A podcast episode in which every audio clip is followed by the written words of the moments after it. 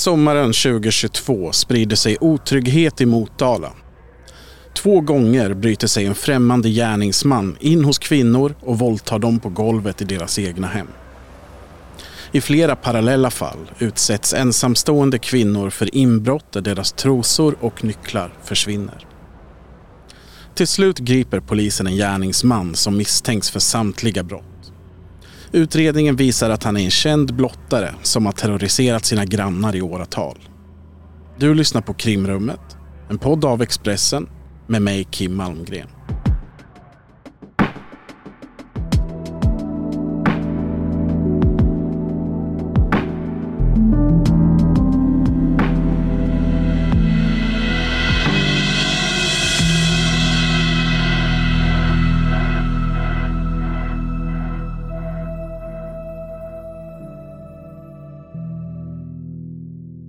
Välkommen till ett nytt avsnitt av Krimrummet. Idag bryter vi ny mark eftersom jag för första gången sitter här ensam i studion. Som introt skvallrade om så för oss dagens avsnitt till Östergötland och närmare bestämt till Motala. I listan över brott finns dels överfallsvåldtäkter men även inbrott där gärningsmannen bröt sig in i bostäder och stal underkläder. Detta är ett avsnitt som berör sexuellt våld. Det är ett ämne som av naturliga skäl kan vara känsligt för många lyssnare. Jag kan säga redan nu att det inte kommer vara några detaljerade skildringar av själva våldtäkterna i det här avsnittet. Häromdagen så publicerade jag en artikel med en större intervju med en av kvinnorna som utsattes i den här brottsserien. Hon heter egentligen något annat men vi kallar henne för Jenny. Precis som övriga kvinnor i den här historien så bor hon i Motala. Jenny har långt blont hår. Hon har fyllt 30. Fram till i somras så levde hon ett helt vanligt liv med allt vad det innebär. Hon jobbade i en butik. Hon reste mycket utomlands. Hon gillade att vara ensam ute i naturen. Förra hösten så hade hon flyttat in i en enrummare på tredje våningen i ett hus i Motala. Den här lägenheten var allt hon hade drömt om. Den hade låg hyra, mycket ljusinsläpp. Den hade en stor balkong där hon kunde sitta i eftermiddagssolen. Det var den här lägenheten som Jenny var på väg till vid lunchtid den 9 juni i somras. Hon hade varit på besök hos sin mamma. Under den korta promenaden hem så hade hon händerna fulla. I den ena handen höll hon sin katt Stina i en bur. I den andra höll hon kattlådan. När hon kom till bostaden knappade hon som vanligt in sin portkod och klev in. Några steg efter följde en främmande man in i trappuppgången. Han såg alldaglig ut, var i 35-årsåldern bar grå t-shirt, svarta träningsbyxor. Jenny tyckte att mannens ansikte såg bekant ut. Hon förutsatte att han bodde i trappuppgången eller att han var där på något tjänsteärende. Nu på Storytel. Försvarsadvokaten Lydia Levander får chansen att lösa sitt största fall genom att försvara en misstänkt mördare. Hur långt är hon och kollegorna på advokatbyrån Pegasus beredda att gå? Fallet Mikaela. En ny deckare från succéförfattaren Anna Bågstam. Lyssna nu på Storytel.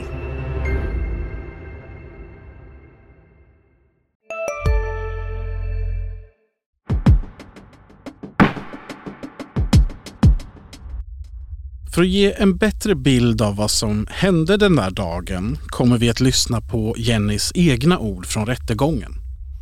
Hon har gett sitt medgivande till att krimrummet spelar upp delar av förhöret. I klippet hörs en del bakgrundsljud. Det kommer från en tolk i rättssalen som översätter hennes ord till den åtalade mannen. Berätta därifrån, så petigt och detaljerat som du kan. Ja. Vad var det som hände? Eh, jag kom där på parkeringen eh, och gick in till mitt hus där jag bor på våning tre slår in portkoden eh, och går in i huset. Eh, och bakom mig så står det en man som jag direkt trodde var ett eh, pizzabud alternativt en hemtjänstpersonal. Det kunde även ha varit en granne. Jag kunde ana att jag kände igen hans ansikte sen, sen tidigare. Eh, snabbt där i trappen då, i första trappan, så erbjöd han mig att eh, hjälpa till och bära. För jag hade ju tung packning med mig den här dagen. Gärna, tack, sa jag. När vi hade kommit upp till våningsplan två så frågade jag om han bodde här i huset. Eh, och jag märkte ganska snabbt att han inte förstod så bra svenska men eh, han pekade upp. Så eftersom att vi hade en trapp kvar då som skulle leda upp till våning tre så ja, så han sa i alla fall att ja, ja, ja, eh, jag bor här. Och så pekade han upp.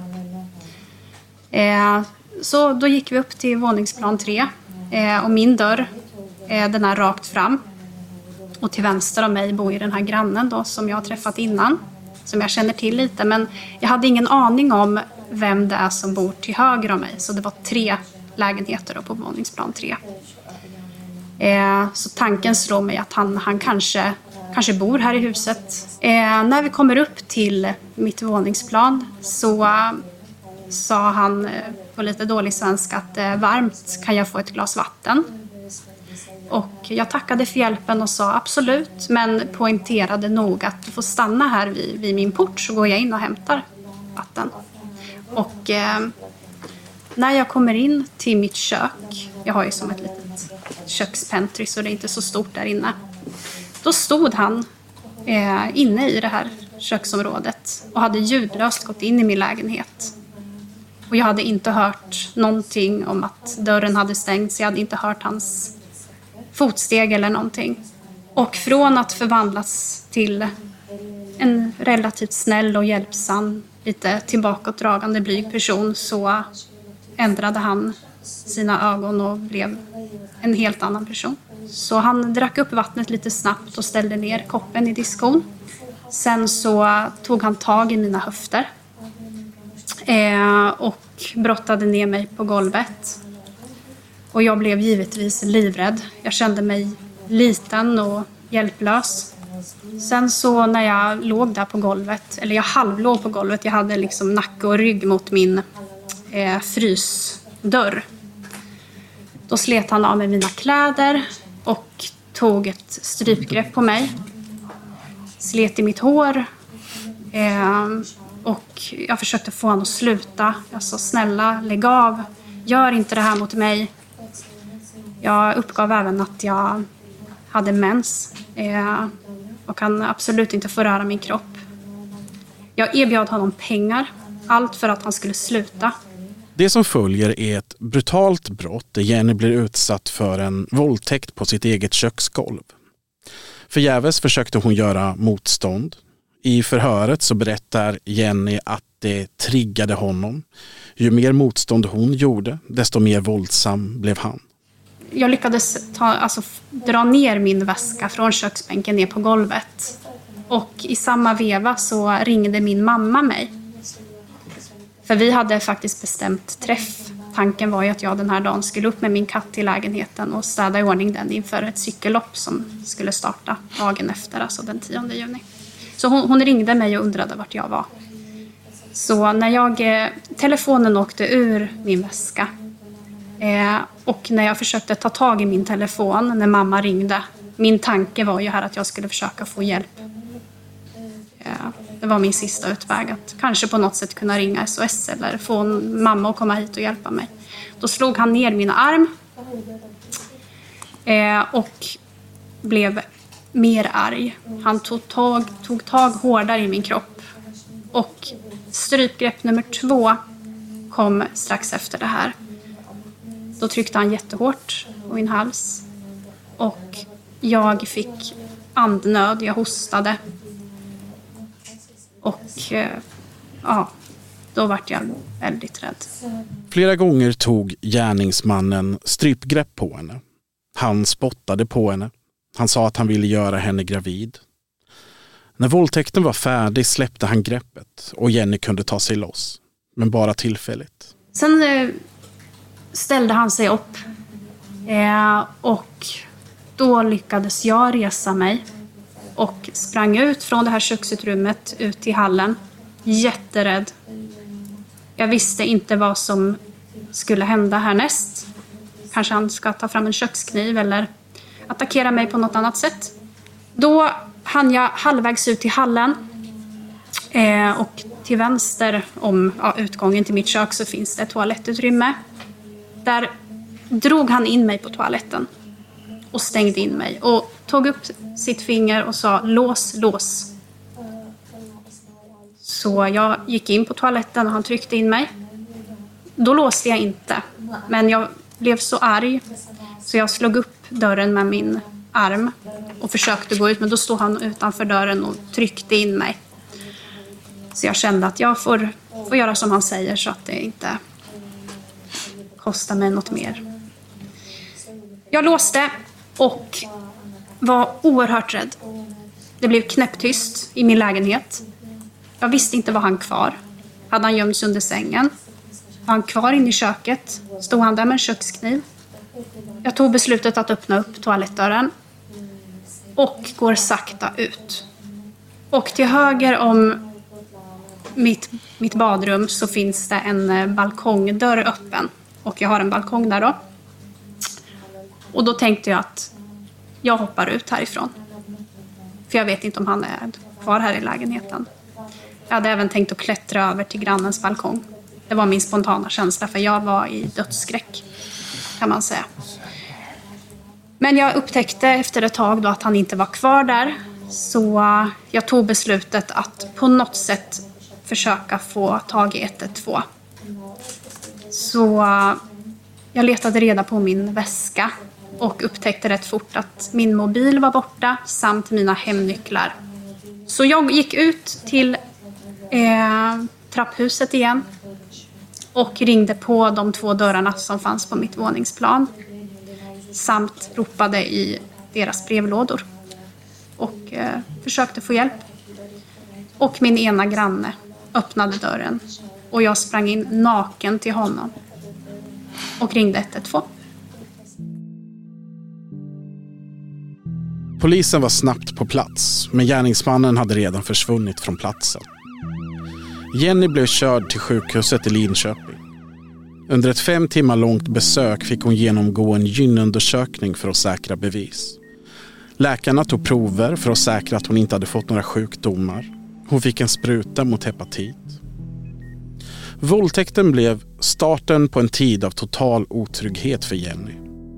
Varför hade gärningsmannen tagit hennes nycklar? Hade han kartlagt henne, valt ut henne specifikt? Planerade han att återvända, göra samma sak igen? Jenny utsatte sig inte för någon mer brottslighet. Det gjorde däremot andra kvinnor. Tre veckor efter våldtäkten mot Jenny skedde en ny överfallsvåldtäkt i Motala.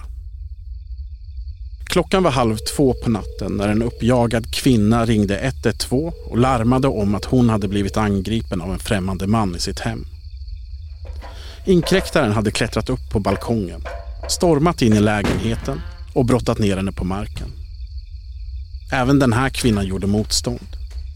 Under våldtäkten fick hon tag i gärningsmannens hand och bet så hårt hon kunde. Blödandes flydde han då ut ur bostaden. I larmsamtalet var hon chockad. Dels över att en främmande man hade tagit sig in i hennes lägenhet och angripit henne. Men även för att det låg två kvarlämnade tofflor på golvet i hennes vardagsrum. I samtalet med SOS så sa hon Tänk att man gör något sånt här när man har badtofflor på sig. Det måste ju ha varit något som slog slint i huvudet på honom. Inte heller den här gången åkte våldtäktsmannen fast. När polisen anlände var han spårlöst försvunnen i natten. Det var inte bara överfallsvåldtäkter som drabbade ensamboende kvinnor i Motala i somras. Flera kvinnor blev också utsatta för inbrott när deras lägenheter stod tomma. I något fall försvann värdesaker, men det fanns andra gemensamma nämnare. Det som stals vid inbrotten var framförallt extra nycklar och trosor. Det var ett av de här inbrotten som till slut ledde till ett gripande. Det skedde i två steg med start natten mellan den andra och den tredje juli. Efter att ha sovit borta den natten återvände en kvinna på morgonen till sin bostad och såg då tydliga tecken på att det hade varit inbrott. En lampa var trasig, det låg jord på golvet. Tjuven hade tagit sig in genom ett fönster som stått på glänt. När hon gick igenom lägenheten märkte hon att extra nyckeln var borta. Tre dagar senare återvände tjuven till brottsplatsen. Den här gången var kvinnan hemma. Tidigt på morgonen hörde hon hur något krafsade mot ytterdörren. Första gången hade inkräktaren tagit extra nyckeln. Nu försökte han använda den för att ta sig in igen. Den här gången misslyckades han. Efter det första inbrottet hade kvinnan inte bara kopplat in polisen, hon hade också haft en smed på besök som bytt låset. När hon identifierade vad som höll på att ske ringde hon snabbt polisen och slog larm om att inkräktaren var tillbaka. Gärningsmannen lyckades, precis som vid de tidigare brotten, springa från platsen innan polisen anlände. Men den här gången gjorde han ett avgörande misstag. I flykten tappade han sin telefon. När polisen anlände hittade man telefonen utanför kvinnans bostad och man tog den i beslag. Det blev ett genombrott i utredningen. Telefonen skulle leda dem till identiteten på våldtäktsmannen. Hej, Ulf Kristersson här. På många sätt är det en mörk tid vi lever i. Men nu tar vi ett stort steg för att göra Sverige till en tryggare och säkrare plats. Sverige är nu medlem i Nato. En för alla, alla för en. Vi är specialister på det vi gör, precis som du. Därför försäkrar vi på Swedea bara småföretag, som ditt. För oss är små företag alltid större än stora och vår företagsförsäkring anpassar sig helt efter firmans förutsättningar. Gå in på swedea.se företag och jämför själv.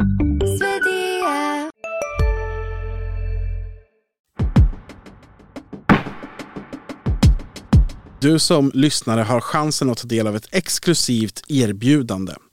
Två månader av Expressen Premium får du nu för bara 19 kronor. För att ta del av det här erbjudandet, gå in på expressen.se krimrummet. Alltså på adressen expressen.se krimrummet finns nu ett exklusivt erbjudande för dig som lyssnar. Två månader av Expressen Premium för bara 19 kronor. Nu fortsätter avsnittet.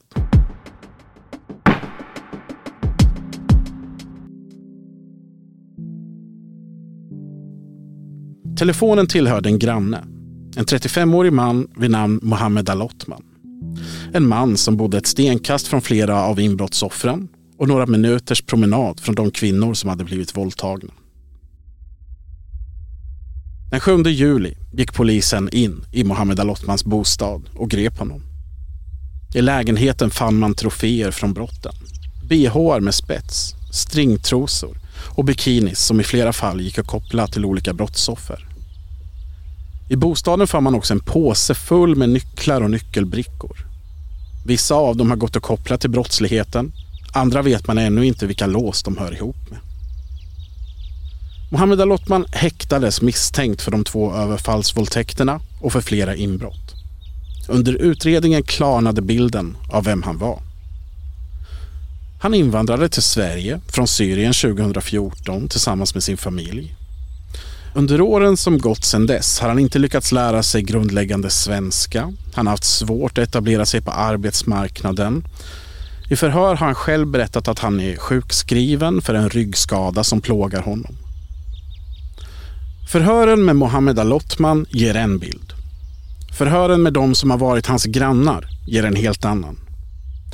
Där framstår han som en man som har terroriserat kvinnor i området i flera års tid.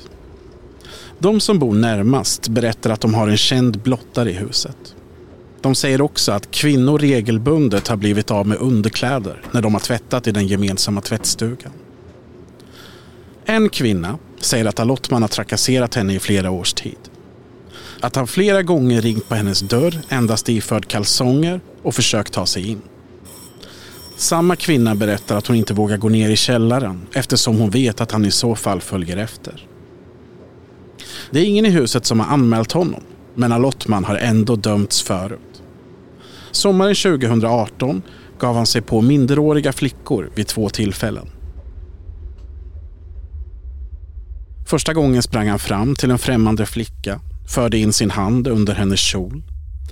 Den andra gången blottade han sig på en badplats för en flicka som var ute och rastade sin hund. Rättsprocessen den gången slutade med att han dömdes för två sexuella ofredanden. Straffet blev dagsböter. Efter brottsserien i somras stod betydligt mer på spel för Mohammed Al-Othman. Åklagaren åtalade honom för två överfallsvåldtäkter och tre inbrottsstölder. Rättegången hölls i oktober. Våldtäkten mot Jenny var den grövsta åtalspunkten. I ett 28 minuter långt förhör förnekade han totalt till våldtäkten. Han sa att han inte visste vem Jenny var, att han aldrig hade träffat henne och än mindre våldtagit henne. Istället berättade han en historia om att han hade varit i Södertälje den dagen. När eh, du var i eh, Södertälje, hade du ingen telefon med dig då? Ingen av dina telefoner har ju haft en uppkoppling i Södertälje den där dagen. Hur kommer det sig? ممتاز عنده لكن شفتوا السيجنال آه، انه انا كنت بهي بهذا العنوان تبعيتها وشفتوا السيجنال وانا كنت بميولبي انتوا انتوا بتعرفوا قديش المده اللي قعدتها بميولبي؟ Ja, det är utmärkt faktiskt. Eh, har ni kunnat eh, konstatera att jag har befunnit mig i Mjölby och hur lång eh, tid befann jag mig där och hur lång tid befann jag mig hos henne? Mm. Det som jag frågade om var hur det kommer sig att ingen av dina telefonnummer har haft någon uppkoppling i Södertälje den där dagen. الا عندي خطي كان كونفيكت انا بعبي فيه الاشتراك يعني خط ما مسجل Ja. Eh, Jag har eh, sagt eh, att eh, eh, mitt eh, kontantkort eh, den är oregistrerad. Det är från Comvik. Okej. Okej. Eh, Men din telefon då, den är ju i Motala och ringer telefonsamtal den här eftermiddagen och tar emot telefonsamtal. Hur kommer det sig? انا ما كنت بستخدمه لأنه- للنوكيا انا ما كان معي النوكيا Jag hade inte med mig Nokian. بعدين Nej. في تسجيل صوتي Okej. انه انا اللي استخدمته Jag hade inte heller använt den. Finns det något eh, som, eh, alltså ins, eh, någon eh, röstinspelning på det att jag har använt den? Vem Men du kan använde ab- din Nokia den där dagen då och tog emot samtal på och ringde samtal på? ما, ما بعرف لأنه كان بالبيت عندي وكان هو مكسور لأنه بالأساس عملت له فرمته وداخل عليه مي. وبيبين عليكم إنه مكسور. موجود Eh, كسر. jag, jag vet inte faktiskt eftersom telefonen fanns hemma och den var trasig och, det har varit också fukt i den. بعدين في بالتليفون نوكيا إنه عنوانها هي إذا أنتم عم تقولوا إنه أنتم بتشوفوا الرادار إنه أنا مستخدمه. في موجود عنوانها لإلها أو موجود إنه أنا كنت بميولبي؟ Mm. Alltså, eh, finns det någonting som styrker att jag har befunnit eh, hemma hos henne eller på hennes adress på den här Nokia-telefonen? Eller att kunde ni se genom eh, radaren? Hur, om telefonen var hemma, vem har kunnat använda den då menar du? هلا انت عم تساليني على شغله صار بهذا الشهر لازم اتذكر مين استخدمه انا في عندي صديق في عندي اخ بعدين مين قال لك انه انا مستخدم هذا التليفون اعطيني دليل فيديو او او صوت اسمي انه انا مستخدمه Du, du frågar mig eh, liksom, om jag har använt den här telefonen. Jag har en vän, jag har min far. Eh, hur, alltså, k- hur kan du bevisa eller styrka att jag har använt den här telefonen? Jag frågar vem som kan ha använt den om det inte är du. شو بعرفني انا لازم اتذكر كل يوم شو عم بيصير Hur معي skulle jag veta? Liksom? Måste jag minnas allt varje dag vad det är som händer med mig? I förhöret fick Mohammed Al-Othman svårt att förklara varför hans telefon kopplat upp i Motala när han påstår att han har varit i Södertälje. Mobiltrafiken avslöjar att det finns hål i hans historia, men det är ett långt hopp därifrån till att stämpla honom som skyldig våldtäktsman. Mobiltrafiken är en liten del av åklagarens bevisning. Vad som var betydligt mer graverande för Alottman var att hans DNA fanns på brottsplatserna efter båda överfallsvåldtäkterna. Detta hade han svårare att förklara i rättegången Varför finns din sperma på hennes köksgolv? اذا انا ما كنت بهذا المكان لازم انا اعرف وف- واحلل وافسر شو بعرفني Jag vet inte. Jag vet inte. Och Om jag inte funnits mig på den här platsen, hur skulle jag kunna veta och analysera och eh, ehm, ja, förklara? طب مثل ما Varför عم تقولوا finns بق- det- في بزقه الب- في في في دي ان ا بزقه انه انا بزقت وفي تقرير طبي انه انا عملت اغتصاب Alltså, ehm, du har sagt också att det var någon sport eller liknande. Eh, finns det något eh, som kan styrka detta genom ett läkarintyg eh, att jag har eh, våldtagit henne?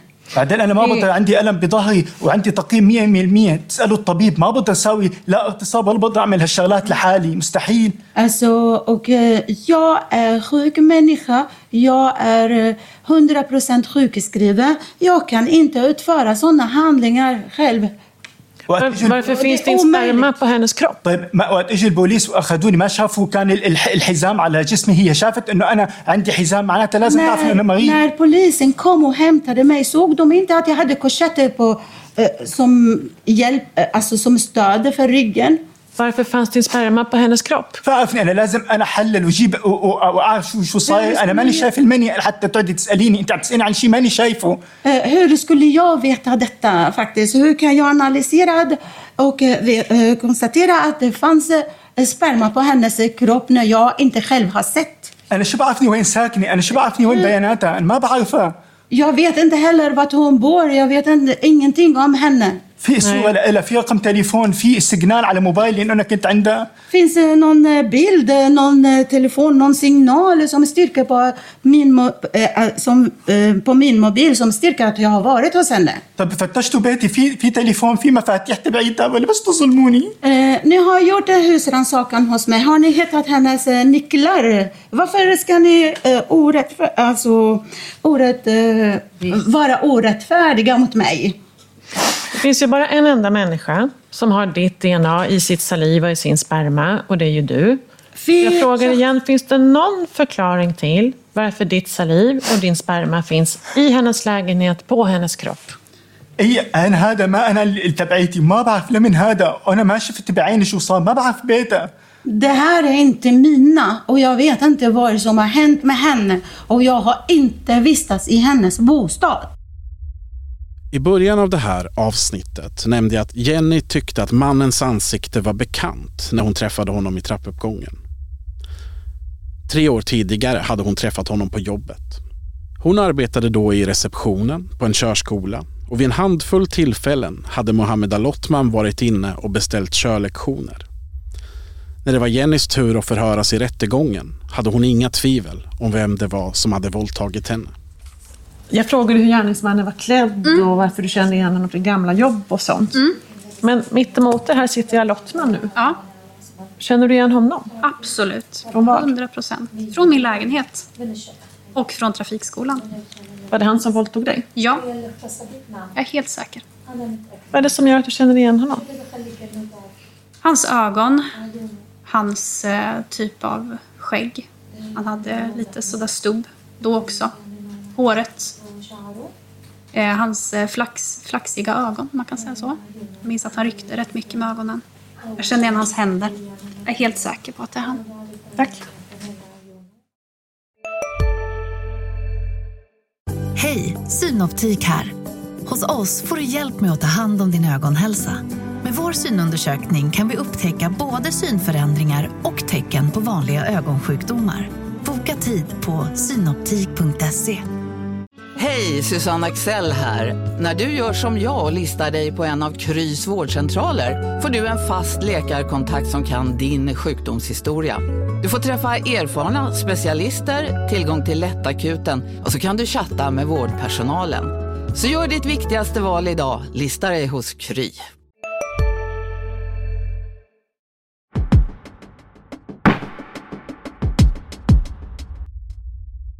Inför rättegången hade Jenny stålsatt sig. Hon bävade för att träffa våldtäktsmannen igen. Samtidigt var hon väl förberedd och tog chansen att berätta för honom och för rätten hur mycket övergreppet hade skadat henne. Om du kan ta tillbaka, ta dig tillbaka till den här dagen, lite känslan bara kring... Du har beskrivit lite, men jag tänkte liksom där och då. Hur, hur gick dina tankar? Vad kände du? Jag kände mig eh, alltså fryst i kroppen. Eh, paralyserad. Rädd. Eh, otroligt trött. Eh, smutsig. Det tog väldigt lång tid innan jag kunde tvätta mig ren från den här händelsen. Eh, Så det, det var mycket känslor. Mm. Du sa någonting om att du kände dödsskräck. Ja. Beskriv Ja. Jag kände dödsskräck lång tid efter det här hade hänt. Eh, starkt obehag. Eh, bara som en sån här enkel sak att kunna gå ner i ett källarutrymme. Eh, eller bara gå till tvättstugan och boka en tvätttid. Eh, jag minns att jag med min mamma eh, rätt snabbt efter den här händelsen var nere och skulle tvätta kläder. Eh, då kände jag mig till och med rädd för henne där nere.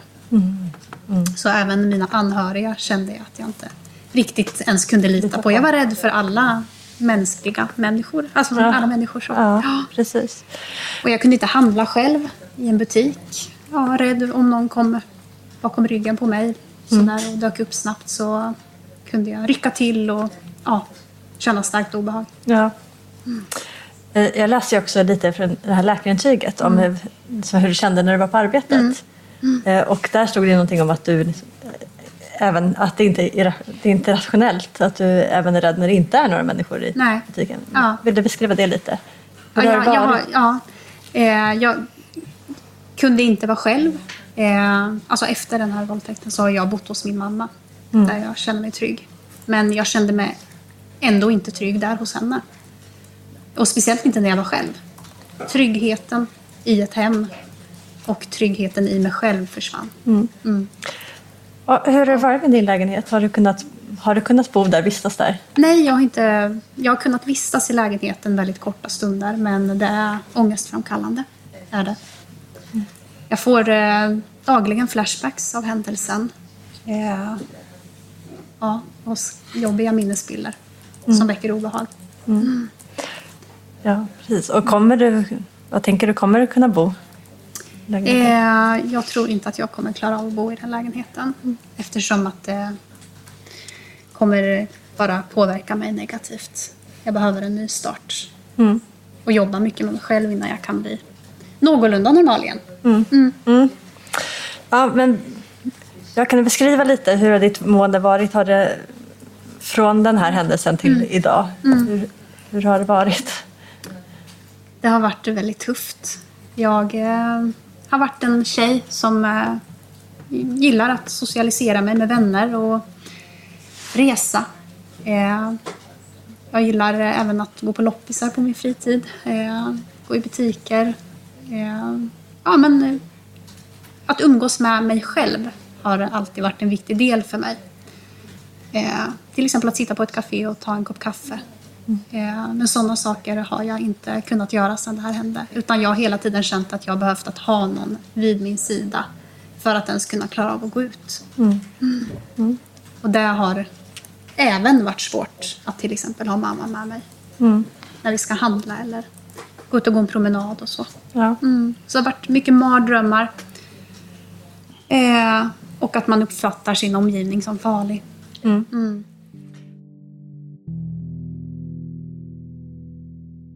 Den sista oktober kom domen mot Mohammed Al-Othman. Han fälldes då för alla brott som han stod åtalad för.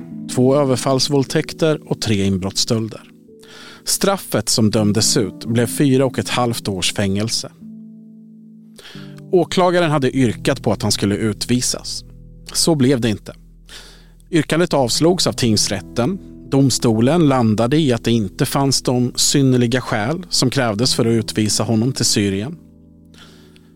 Än är inte allting sagt i den här frågan. Fallet kan ännu inte läggas till handlingarna. Mohammed Alotman nekar fortfarande till brott. Han vill bli frikänd och han har överklagat. Inför hovrättsförhandlingen har han helt ändrat sin historia. I rättegången svor han att han aldrig hade träffat Jenny, aldrig varit på plats i hennes lägenhet. Nu medger han istället att han har varit på plats. Han säger att det var hon som bjöd in honom och att det var hon som tog initiativet till att ha sex. På samma sätt har han ändrat sin historia i det andra våldtäktsfallet. Där säger han nu att han träffade kvinnan vid en sopcontainer och att hon sedan bjöd hem honom för att ta emot saker som hon skulle kasta. Han menar att hans blod fanns i hennes lägenhet eftersom han kan ha skurit sig på en spegel. Åklagaren dömer ut hans nya historier. Hon säger att det är uppenbara efterhandskonstruktioner. Även hon har överklagat. Hon vill att Mohammed Alottman döms till ett strängare fängelsestraff. Inför hovrättsförhandlingen så har hon också hämtat in nytt material från Migrationsverket som hon menar bör leda till att han slutligen utvisas ur landet. En ny rättegång väntar. Jag kommer fortsätta bevaka det här fallet i hovrätten. Däremot sätter jag punkt för den här veckans avsnitt av Krimrummet. Ett nytt avsnitt på ett nytt ämne kommer nästa vecka. Lyssna då.